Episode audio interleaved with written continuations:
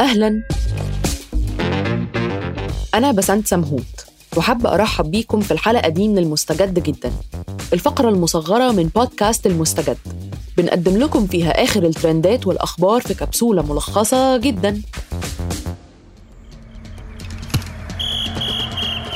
في أندونيسيا يوم السبت الموافق 1 أكتوبر نزل مشجعي الكورة لملعب كانجورو هان عشان يحضروا الماتش بين فريق أريما وبرسيبايا سورابايا. فريقين بيلعبوا في الدرجة الأولى من الدوري المحلي. الفريقين دول بينهم روح المنافسة شديدة زي الأهلي والزمالك في مصر وزي الهلال والنصر في السعودية. فعادة روح المنافسة بتتنقل للجمهور. الماتش على أرض فريق أريما. وكنوع من أنواع الاحترازات الأمنية كان في زيادة من عدد الأمن في الاستاد. وشبكة البي بي سي بتقول إن مشجعي فريق بيرسيبايا سورابايا اتمنعوا من حضور الماتش. شوية توتر باين من قبل الماتش. وفي شهود عيان بتقول إنه كان في tension وشوية مشاجرات وسط الجمهور بين الشوطين وفي الشوط التاني. كل ده ما كانش تمهيد كافي. ولا حد توقع اللي حصل بعد ما الصفارة أعلنت نهاية المباراة.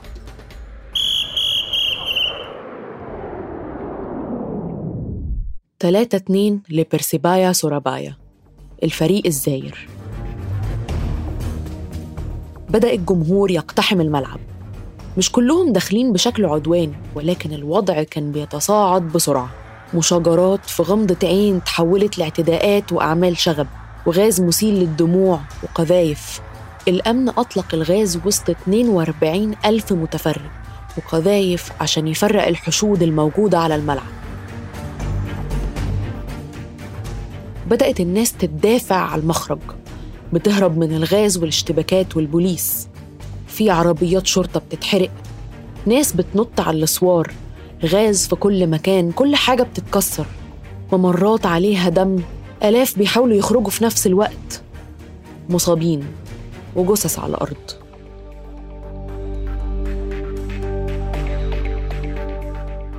مية أربعة وسبعين قتيل منهم طفل عنده ثلاث سنين ومية وتمانين مصاب كارثة بس إزاي؟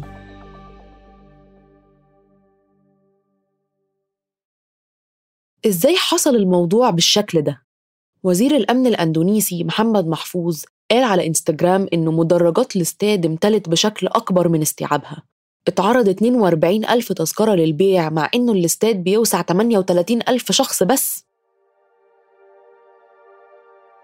في شهود بتقول إنه الشرطة كانت وحشية زيادة عن اللزوم بدون داعي. وغير الغاز كانوا بيضربوا الناس بالهروات. أصلاً الاتحاد الدولي لكرة القدم أو الفيفا بيحدد في قواعده للسلامة إنه ممنوع الأمن والشرطة يستخدموا أسلحة أو غاز عشان يسيطروا على الحشود. ما طلعش تصريح من الشرطة في أندونيسيا عن مدى علمهم بالقوانين.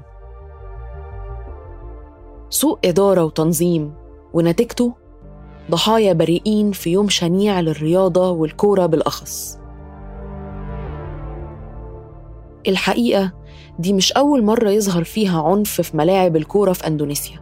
الكورة هي الرياضة الأكثر شعبية هناك والمشجعين مرتبطين قوي بنواديهم وغالبا ما بينتهي التعصب ده بالعنف والشغب. حصل اشتباكات قبل كده في 2018 أدت لأن مشجع اتضرب لحد الموت. في 2019 خلال تصفيات كأس العالم في جاكرتا اتعرض المشجعين الماليزيين لتهديد واتحدفوا بقذايف اضطر وزير الرياضة الماليزي الزاير لإخلاء الملعب بعد ما بدأت أعمال الشغب. بعدها بشهرين رمى المشجعين مشاعل وأزايز على بعضهم في ماتش تاني في كوالالمبور. الموضوع مش واقف على أعمال شغب في الملاعب وبس. بعد خسارة قصاد فيتنام في 2019 هاجم المشجعين الأندونيسيين اللعيبة من فيتنام على منصات التواصل الاجتماعي ووصلت لتهديدات بالقتل. مؤخرا في يونيو السنة دي اتوفى اتنين مشجعين في زحام وتدافع قدام بوابة الاستاد عشان الناس عاوزة تخش تتفرج على الماتش والاستاد مليان.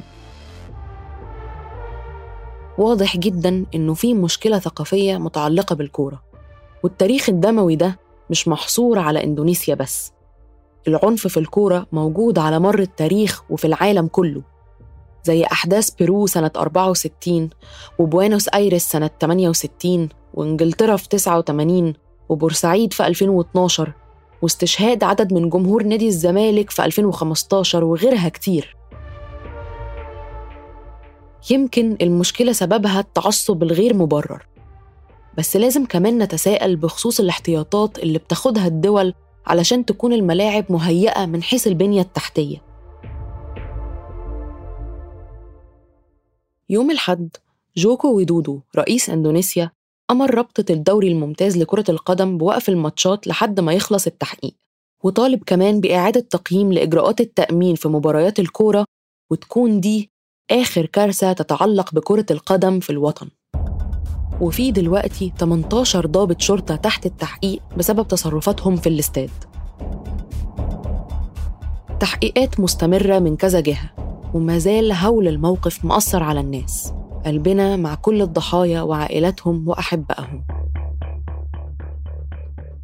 أنتوا رأيكم إيه؟ كنت معاكم من الإعداد والتقديم بسنت سمهوت من التحرير عمر فارس ومن الهندسة الصوتية يزن قواس. ما تنسوش تتابعونا على المستجد جدا كل أربع عشان تعرفوا إيه الجديد من الترندات. أما المستجد العادي هيكون معاكم يوم الحد وهنحكي لكم فيه عن الانتخابات الأخيرة في إيطاليا. بودكاست المستجد جدا من إنتاج صوت.